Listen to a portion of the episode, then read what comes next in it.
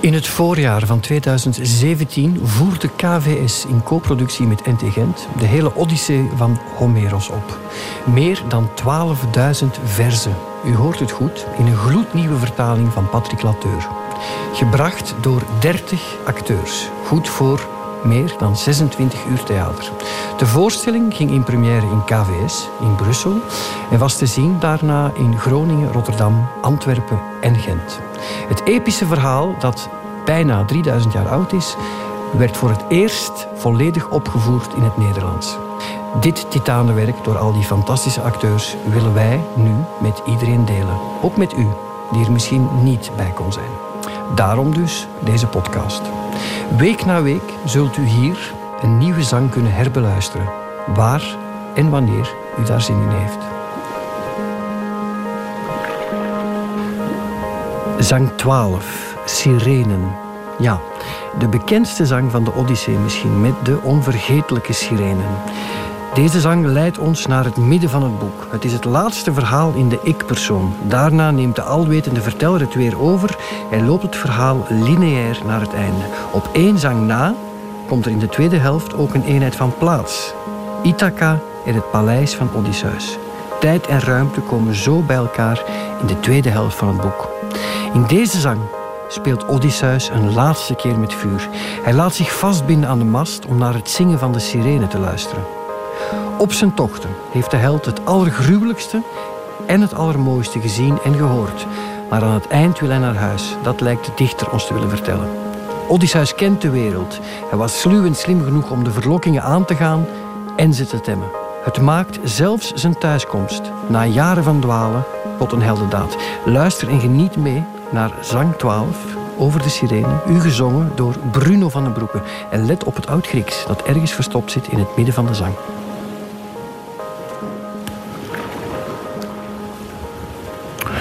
Nadat ons schip de stroom verlaten had van de Okeanos, bereikte het de golven van de zee met brede banen en Ayaya, eiland waar de dansplaatsen van vroeggeboren Eos te vinden zijn, waar Helios opreist. Daar aangekomen zetten wij het schip vast op het strand en stapten toen van boord, dicht bij de branding van de Grijze Zee. Wij legden ons te slapen en wachten de dageraad met roze vingers af. Zodra de dageraad met roze vingers vroeg in de morgen oprees, stuurde ik wat kameraden naar het huis van Kirke om er het lijk te halen van Elpenor. Wij hakten haastig hout en waar de kust het verst in zee vooruit stak, hebben wij vol droefenis onder een stroom van tranen de man begraven. Wij wierpen een grafheuvel op, uh, verbrandden lijk en wapens, versleepten er een stelen heen en planten zijn lichte roeispaan boven op de top. Wij hadden al het nodige verricht, maar Kirke was het niet ontgaan dat wij levend teruggekeerd waren uit Hades huis. Zij maakte zich snel klaar en kwam bij ons. Haar dienaressen brachten haar het brood, heel veel vlees en fonkelende rode wijn. De stralende ondergodinne kwam in onze kring staan en zei: Vermetel is het levend af te dalen in Hades huis, tweemaal de dood te zien, terwijl de andere mensen eenmaal sterven. Maar kom, neem van de spijzen en drink wijn, blijf hier de verdere dag en vaar pas af wanneer de dageraad vereist.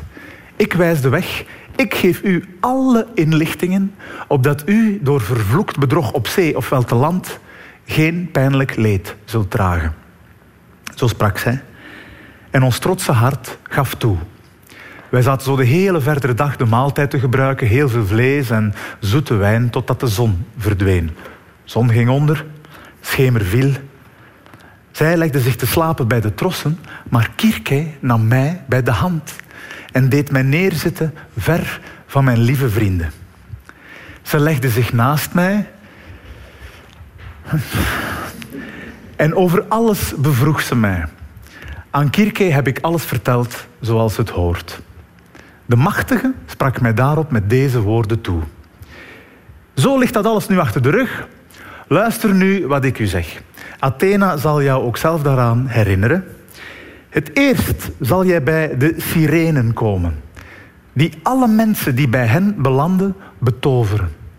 Wie hen onwetend nadert en de stem van de sirenen hoort, komt nooit meer thuis.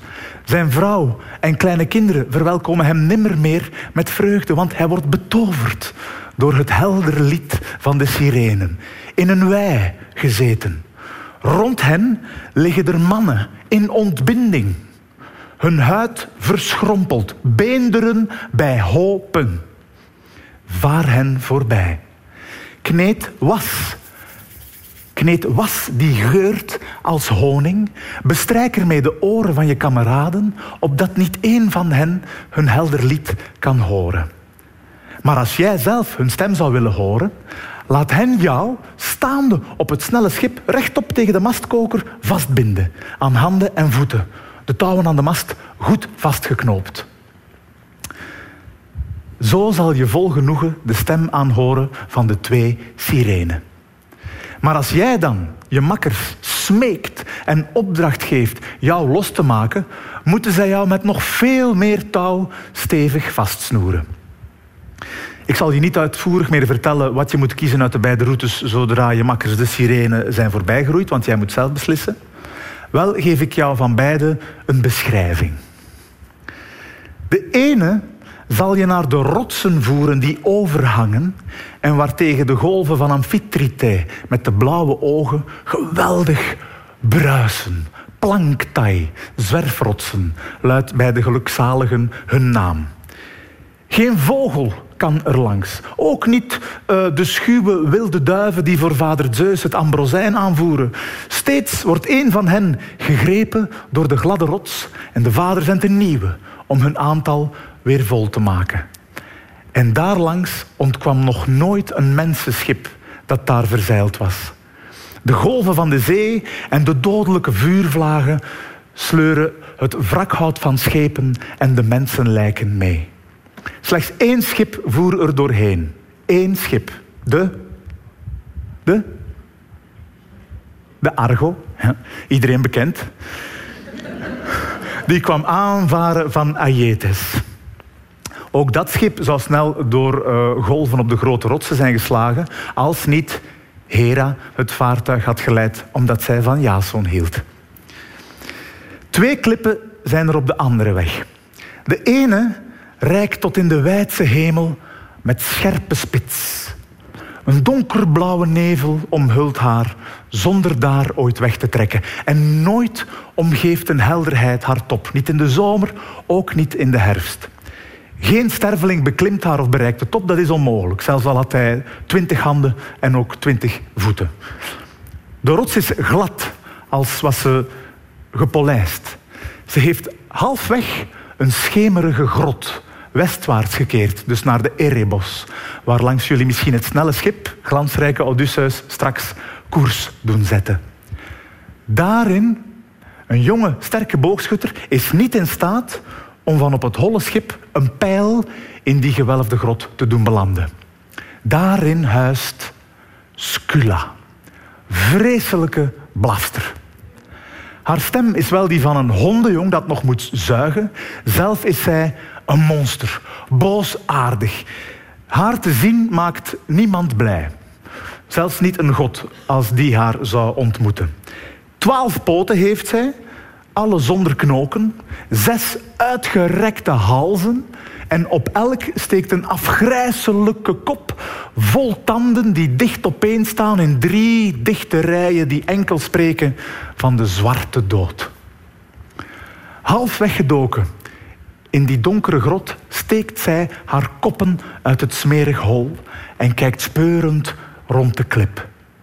En op dolfijnen, zeehonden vist zij daar en al wat zij vangt aan groter beesten die bij duizenden door Amphitrite de luid dreunende worden gevoed.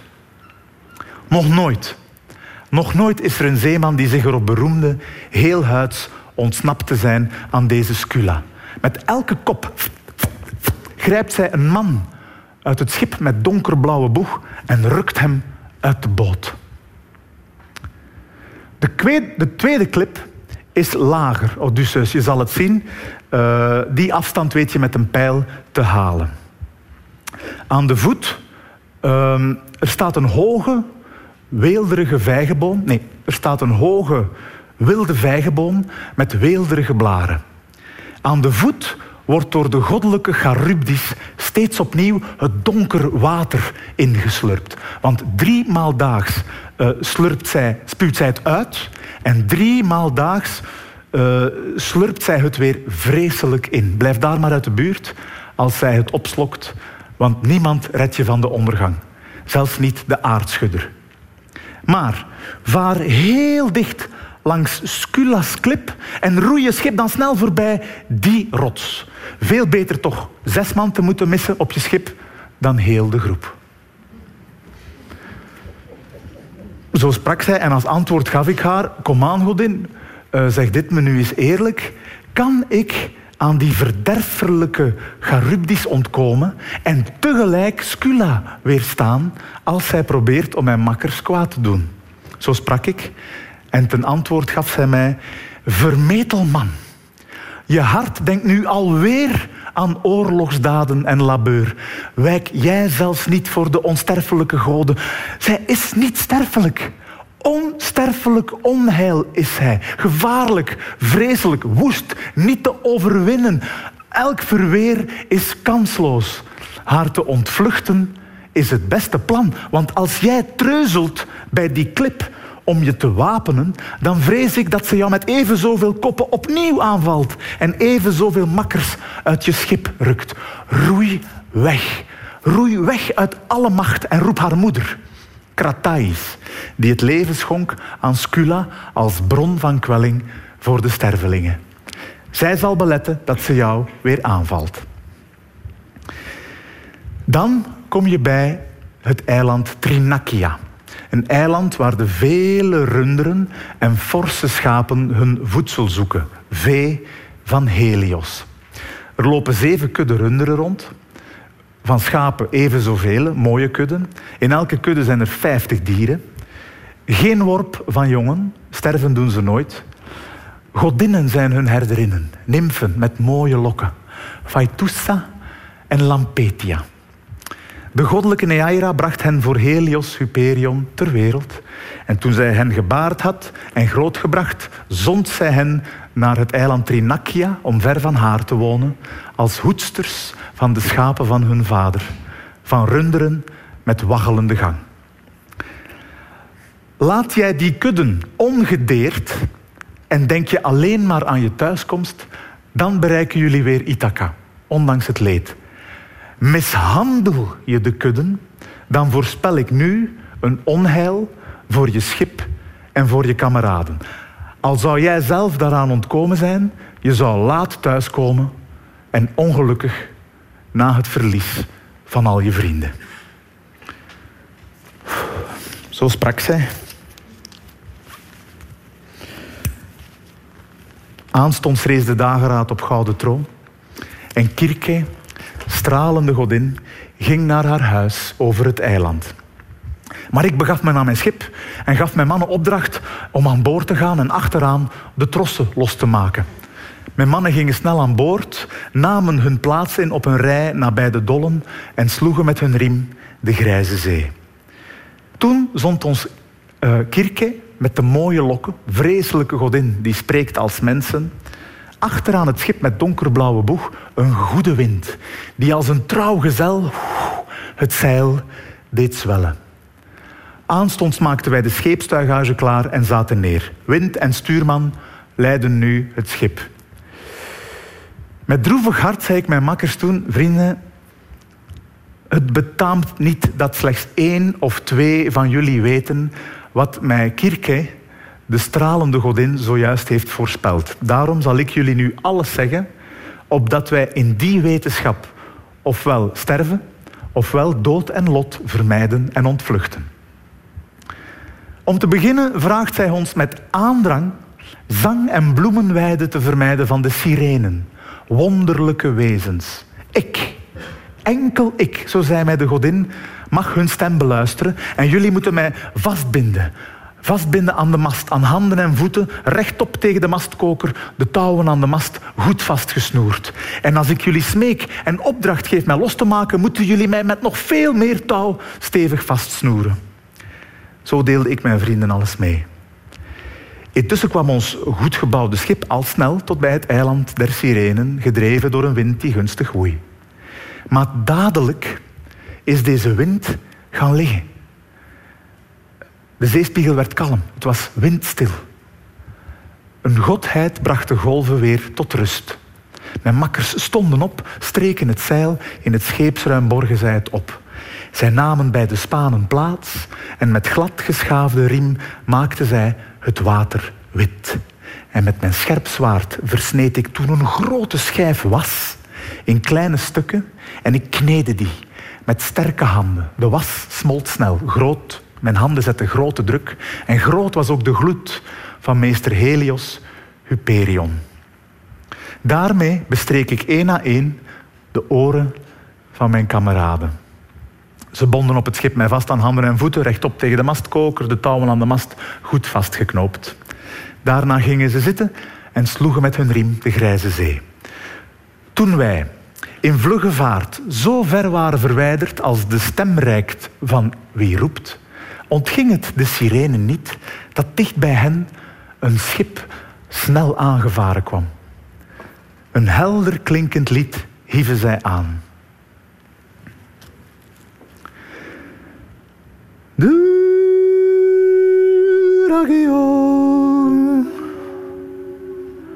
Poluai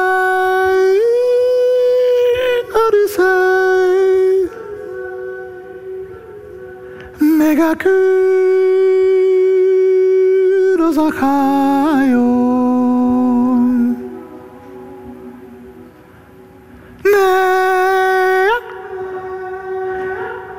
ガタステソンひなのいてれ。おぱくせ。Hierheen, veelgeprezen Odysseus, jij grote roem van de Achaïers, kom en leg je schip nu voor anker, opdat jij ons beider stem kunt beluisteren. Nog nooit nog nooit is hier een donker schip langs gevaren zonder een zoet klinkend gezang uit onze monden te aanhoren. Nee, nee, wie het deed, hij heeft ervan genoten. En als een wijzer mens voer hij naar huis. Want wij weten alles. Wij weten alles. Wij weten alles wat de Achaiërs en de Trojanen doorstonden in het wijdse Ilion door de goddelijke wil. Wij weten alles wat er op de aarde die velen voedt steeds opnieuw gebeurt. Zo zongen zij. Zo spraken zij. Zo klonk hun helder lied. Mijn hart. Mijn hart was vol verlangen hen te horen. Ik, ik wenkte met de brouwen aan mijn makkers, bij wijze van bevel mij los te maken. Zij bogen zich voorover, roeiden voort. Rulochos en Perimedes stonden op en met nog meer touw snoerden zij mij vast en spanden de touwen nog strakker aan. Maar zodra wij de beide sirenen waren voorbijgevaren, wij hun stem nog niet meer konden horen, haalde mijn trouwe metgezellen dadelijk de was weer weg waarmee ik hen de oren had bestreken. En dadelijk bevrijdden zij mij weer van mijn banden. Zodra het eiland achter ons lag, zag ik opeens een damp van een enorme golf. Ik hoorde een gedreun. Van angst lieten mijn makkers uit hun handen de riemen schieten. Uh, ze ploften alle in de stroom. Het schip viel stil, want mijn makkers dreven het met de scherpe bladen van de riemen niet meer vooruit. Het ganse schip doorliep ik. Ik ging naar mijn vrienden om hen aan te sporen. Met vriendelijke woorden, één na één. Vrienden, onheil bleef ons tot dusver niet onbekend. Dit is geen groter kwaad dan uh, de cycloop die in zijn holle grot met brute kracht ons opgesloten heeft. Zelfs daaruit zijn wij door mijn moed, mijn plan en mijn verstand heel huids ontsnapt. Ook hieraan vermoed ik, aan dit gevaar vermoed ik, denken wij ook ooit terug. Kom aan, zit allen aan de dollen en sla dan met de riemen de hoge deining van de zee en hoop dat Zeus ons toe zal laten te ontkomen en ondergang en dood te mijden. Jou, stuurman, geef ik dit bevel en laat het jou ter harte komen, want jij, jij beroert voor ons het roer van het gewelfde schip. Stuur op die steile rotswand af. Zo niet, schiet onze boot voor wij het kunnen merken daar ginds vooruit en stort je ons de dood in. Hij zwoer terstond zoals ik hem had bevolen. Verder sprak ik niet van Scula. Uh, onvermijdelijke plaag. Ik wou vermijden dat een angst mijn makkers zou aangrijpen en zij met roeien zouden ophouden om zich te gaan verbergen uh, in het ruim. Um, op dat moment vergat ik Kirkes zwaar gebod mij geen te bewapenen. Ik trok een schitterende rusting aan, nam ook twee lange lansen in de hand, beklom het dek van voren op het schip. Ik meende dat de rotsbewoonster Scula, die een onheil zou brengen voor mijn makkers, zich daar het eerst zou tonen. Maar een glimp opvangen van het monster kon ik nergens. Mijn ogen werden moe door in het rond te turen naar die nevelige klip. Wij voeren jammerend de engte binnen, met Scula aan de ene, Charybdis aan de overkant. Beangstigend hoe zij het zilte zeenat naar binnen slurpte. Spuwde zij het uit, dan bleef zij koken, kolken, vol beroering. Een, een waterbekken op een hevig vuur. Um, uh, een waterbekken op een hevig vuur. En, maar zoog zij weer het zilte zeewater op Wacht. Dan bleef zij koken, kolken vol beroering, een waterbekken op een hevig vuur. En uit de hoogte kwam het zeeschuim neer, viel op de toppen van de beide klippen. Maar zoog zij opnieuw het zilte zeenat op. Zij was van binnen een en al beroering, al maar door. De angst, angstwekkend brulde de rotswand in het rond, terwijl beneden de bodem van de zee zwart van het zand zag. Mijn makkers zagen bleek van schrik. Vol doodsangst keken wij Charybdis aan, maar Scula roofde intussen uit mijn schip zes gezellen van mijn groep, de beste, door de kracht van lijf en leden. Het ganse schip doorliep ik uh, op zoek naar mijn gezellen, maar van hen zag ik reeds boven mij de handen en de voeten. Ze schreeuwden, uh, ze riepen mij bij mijn naam. Het was de laatste keer. Ik, ik, ik, ik. Ze, ze schreeuwden, ze riepen, bij me, ze riepen me bij mijn naam. Het was de laatste keer. Zoals een visser op een uitspringend stuk rots wat lokspijs naar beneden gooit, als aas voor kleine vissen. En daarbij een pijpje uit, uh, uit hoorn, afkomstig van een weiderund. Bevestigd aan een uiterst lange hengel. In zee zakken, krijgt hij beet. Hij trekt de spartelende vissen op het droge. Zo werden ook mijn makkers spartelend omhoog gehaald tot boven op de rots. En daar, voor de ingang van haar spelonk, vrat zij hen op, levend. Ze schreeuwden staken hun handen naar mij uit in vrede doodstrijd.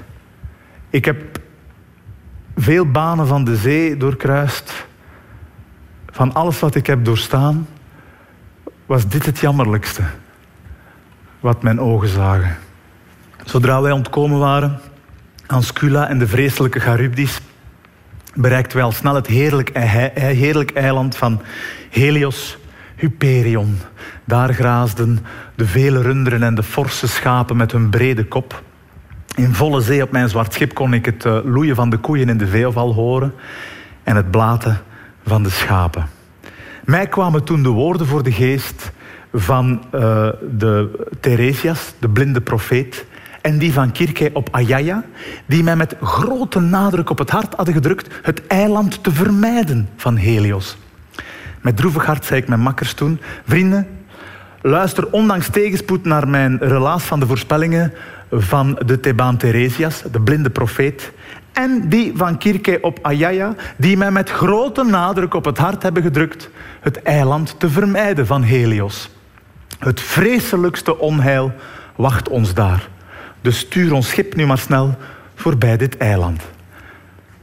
Zij gehoorzaamde, maar van binnen brak hun hart. Al snel klonk Eurylogos ellendig antwoord. Jij bent hardvochtig, Odysseus. Je kracht is wel enorm, je lichaam nooit vermoeid. Misschien ben jij toch wel geheel van ijzer. Je vrienden, overmand door uitputting en slaap, Laat jij geen voet aan wal zetten. Daar ginds op dat eiland, door zee omspoeld, kan men weer eens eindelijk een avondmaal bereiden. Maar op jouw woord moeten wij onverwijld afdwalen van dit eiland. Op een zee vol neveldolen. De nacht valt snel, s'nachts steken woeste winden op, verwoesten de schepen. Uh, waar die vreselijke dood dan nog ontkomen als er plots een storm opsteekt. Notos, Zephyros, die huilt en loeit, want zij verbrijzelen veelal een schip tegen de wil der soevereine goden. Kom aan, geven wij ons hoe dan ook over aan nacht en duisternis. Bereiden wij het avondmaal naast het snelle schip. En bij dageraad gaan wij dan weer aan boord en kiezen opnieuw het ruime sop. Met deze woorden was de rest het eens. En toen begreep ik dat een, dat een godheid veel kwaad beraamde. Ik verhief mijn stem, ik sprak tot hen, ik gaf mijn woorden vleugels. Eurylogos, ik sta alleen en word door jullie onder zware druk gezet. Maar verzeker mij dit nu onder een zware eed. Vinden wij ergens een grote kudde runderen of schapen, door niemand wordt een koe of schaap geslacht in een verderfelijke roekeloosheid, maar wees tevreden met ons voedsel. Eet wat de onsterfelijke Kirke gaf. Zij zwoeren terstond zoals ik had bevolen. Na de eet uitdrukkelijk te hebben uitgesproken, meerden wij onze welgebouwde boot nabij, in zoet water nabij een ronde inham. Mijn kameraden kwamen toen van boord. Kundig bereidden zij het avondmaal. Zodra honger en dorst waren gestild, herdachten zij hun lieve vrienden, huilden om hen die Scula uit het donker schip had weggerukt en opgevreten. Diep de slaap die hen bij hun geween beving.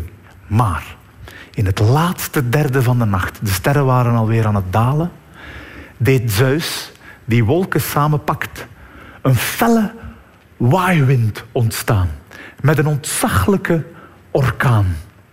Hij omhulde land en zee in nevelen en uit de hemel viel het nachtelijk duister. Zodra de dageraad vroeg in de morgen oprees, trokken wij de boot tot in een holle grot en legden hem vast. Het was de plaats van de mooie rijen en zetels van de nymfen. Ik riep mijn manschappen bijeen en ik sprak tot hen: Kameraden, Spijs en drank is er in ons snel schip, dus jullie handen af van die koeien om geen kwaad te lijden, want die koeien en die forse schapen zijn van een vrede God, van Helios, die alles overziet en alles hoort. Zolang er voedsel was en rode wijn, hielden mijn kameraden hun handen af van de schapen en de runderen uit lijfsbehoud. Maar zodra de scheepsvoorraad volledig opgeraakt was, zwierven zij uit noodzaak rond. Uh, trokken op rooftocht met kromme haken. Honger. Honger was hun maag een kwelling. En zij keken uit naar vogels, naar vissen, naar al wat hun in handen kwam. Ik zelf uh, trok op mijn eentje rond het eiland uh, om er te bidden tot de goden, hopend dat één van hen mij daar een uitweg wees. Ik was van mijn gezellen weggeglipt. Ik doorliep het eiland, ik waste mijn handen, beschut tegen de wind en bad tot elk der goden die op de Olympos wonen. Zij goten zoete slaap over mijn brouwen. Tijdens mijn afwezigheid deed Eurylogos, mijn kameraden, een verderfelijk voorstel. Vrienden, Luister ondanks tegenspoed naar wat ik zeg. Voor arme stervelingen is elke vorm van sterven vreselijk. De jammerlijkste is echter verhongeren. Zijn doodsuur op die wijze te voltrekken. Kom aan. Eerst voeren wij de beste koeien van Helios met ons en offeren ze aan hen die in de wijdse hemel huizen. En als wij dan Ithaca, onze thuishaven, bereiken, bouwen wij voor Helios Superion terstond een rijke tempel met vele schitterende wijgeschenken.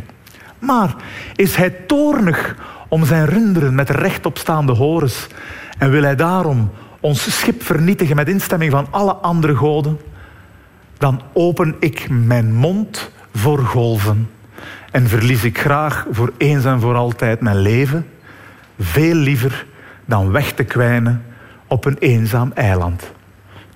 Zo sprak hij en met deze woorden was de rest het eens. Terstond voerde zij de beste koeien van Helios met zich, die mooie runderen met brede kop en kromme horens, waren gewend om te grazen dicht bij het schip met donkerblauwe steven. Zij gingen rond de koeien staan, richtten gebeden tot de goden. Van een eik met jong loof plukten zij de groene blaadjes, want op hun schip met goede roeibanken was er geen jonge gerst. Na het gebed, na het kelen en het villen van de dieren, sneden zij er de schenkelstukken uit, bedekten die met twee lagen vet en daarboven legden zij rauw vlees. Er was geen wijn om op het offer te plengen, water goten zij erop, terwijl zij de ingewanden braden. Nadat de schenkelbeenderen waren opgegeten en men ook de, de ingewanden had verbrand, sneed men de rest aan stukken en stak die aan het spit. En op dat moment vloog net de zoete slaap van mijn brouwen. Ik ging weer naar de kust naar mijn snel schip. En toen ik het schip met donkerblauwe steven genaderd was, woei rondom mij die verrukkelijke geur van offervet. Ik brak ik brak in jammerklachten uit en ik riep tot de onsterfelijke goden. Ah, Zeus, vader Zeus, u die eeuwig zijt. En goden, jullie die zalig zijt en eeuwig. Jullie brachten mij ongetwijfeld meedogenloos in slaap tot mijn verderf. Want tijdens mijn afwezigheid beraamden mijn kameraden een kwaadaardig plan. Lampetia, met lang gewaad, kwam snel aan Helios Superion berichten dat wij zijn runderen hadden geslacht. Terstond daarop sprak Helios tot de onsterfelijke goden. Oh, Zeus, vader Zeus en jullie goden die zalig en eeuwig, straf de mannen van Odysseus. Laertes zoon, want zij slachten vol overmoed mijn koeien, waarin ik steeds vreugde vond, telkens als ik de sterrenhemel besteeg, of telkens als ik vanuit de hemel weer naar de aarde keerde. Als zij geen passende vergoeding voor mijn vee betalen, daal ik in de Hades af en zal ik mijn licht doen schijnen voor de schimmen. Zeus, die wolken samenpakt, antwoordde terstond: Helios, blijf jij toch maar licht geven uh, aan de onsterfelijke goden en aan de stervelingen op de akker, schenker van graan. Het snelle schip van deze kerels zal ik met flikkerende bliksem treffen, het midden op de wijnkleurige zee al vlug verbrijzelen in duizend stukken. Calypso met de mooie lokken heeft mij dit verteld. Uh, zij zei het zelf van Hermes, die bode is van Zeus, gehoord te hebben. Bij schip en zee beneden aangekomen, schold ik mijn mannen één na één de huid vol. Een uitkomst was er echter niet te vinden. De koeien waren nu eenmaal geslacht. Er stond daarop, deden de goden tekens ontstaan. Voor mijn makkers en voor mij. Die huiden, de huiden kropen. Aan de spitten loeide het vlees, gebraden of rauw, precies zoals het loeien van de koeien klinkt. Zes dagen lang aten mijn getrouwe gezellen en ik daarna van de runderen die zij van Helios hadden geroofd. Toen een zevende daaraan door Kronos, de zoon van Zeus, werd toegevoegd, hield de wind plots op met zijn razen en zijn vlagen. Wij gingen dadelijk aan boord, richtten de mast op, heesten ook de witte zeilen en stevenden af op de volle zee. Het eiland lag al achter ons. Er was geen ander land te zien, behalve zee en lucht, toen Kronos zoon een zwarte wolk zond boven ons hol schip. Onder die wolk verdonkerde de zee. Lang voer het schip niet meer vooruit, want plots was daar Zephyros, die huilde, loeide met enorme vlagen. De beide stagen van de mast werden gebroken. Uh, de, de, mast viel achterover, scheepstuigage viel in het ruim, maar op het achterschip werd door de mast de stuurman getroffen aan het hoofd. Al wat been was in zijn hoofd werd door de mast verbrijzeld. In één klap. Zoals een duiker viel hij van het schip. Zijn onversaagde geest verliet zijn knoken. Zeus liet meteen de donder horen, wierp ook zijn bliksem op het snelle schip dat door Zeus vuur getroffen trillen ging van voor tot achter en ook door zwaveldampen werd gevuld. Mijn kameraden vielen uit het schip. Gelijk aalscholvers werden zij op golven gedragen rond het zwarte schip. Gelijk aalscholvers werden zij op golven gedragen rond het zwarte schip. Zo heeft de Godheid hun de thuiskomst afgenomen. Ikzelf liep ondertussen heen en weer op het dek, totdat de wanden door de golfslag los werden geslagen van de kiel. Het schip dreef open op de golven, de mast werd losgerukt, viel op de kielbalk neer, een stag gemaakt uit runderhuid hing er nog om en daarmee bond ik beide, mast en kiel, aan één. Ik zette mij erop en liet mij drijven door funeste winden. Intussen stopte Zephyros met zijn vlagen en zijn razen. Snel stak echter Notos op, wat mij beangstigde, want ik zou weer langs die schrikwekkende Charybdis varen. Ik dreef de hele nacht. En bij zonsopgang was ik bij Sculas klip en bij die geduchte Charybdis die het donker water naar binnen slurpte. Aan een hoge wilde olijfboom trok ik mij omhoog. Ik greep hem vast. Ik, ik hing eraan zoals een, een vleermuis. Maar nergens vond ik voor mijn voeten vaste steun. De wortels lagen ver beneden en de takken ver in de hoogte, lang, groot. Ze gaven Charybdis schaduw.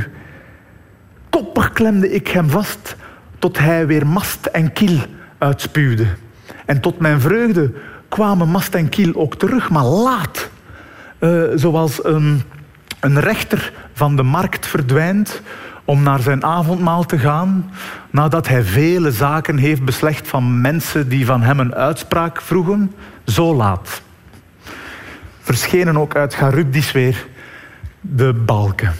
Ik liet mij vallen, ik liet de takken los, ik liet mij vallen, plofte neer in zee naast de kolossale balken. Ik zette mij erop en roeide met beide armen. Dat Scula mij bemerkte, liet de vader van goden en mensen niet meer toe. Zo dreef ik uh, negen dagen lang. En in de tiende zwarte nacht werd ik door goden naar Ogygia gebracht. Uh, eiland waar de vreselijke godin Calypso woont met de mooie vlechten. Zij spreekt als mensen. Liefdevol ontving zij mij en droeg daar zorg voor mij. Maar waarom zou ik u dit vertellen? Gisteren verhaalde ik dat reeds uitvoerig in uw paleis. Het is vervelend een verhaal dat reeds uitvoerig werd gedaan, opnieuw te vertellen.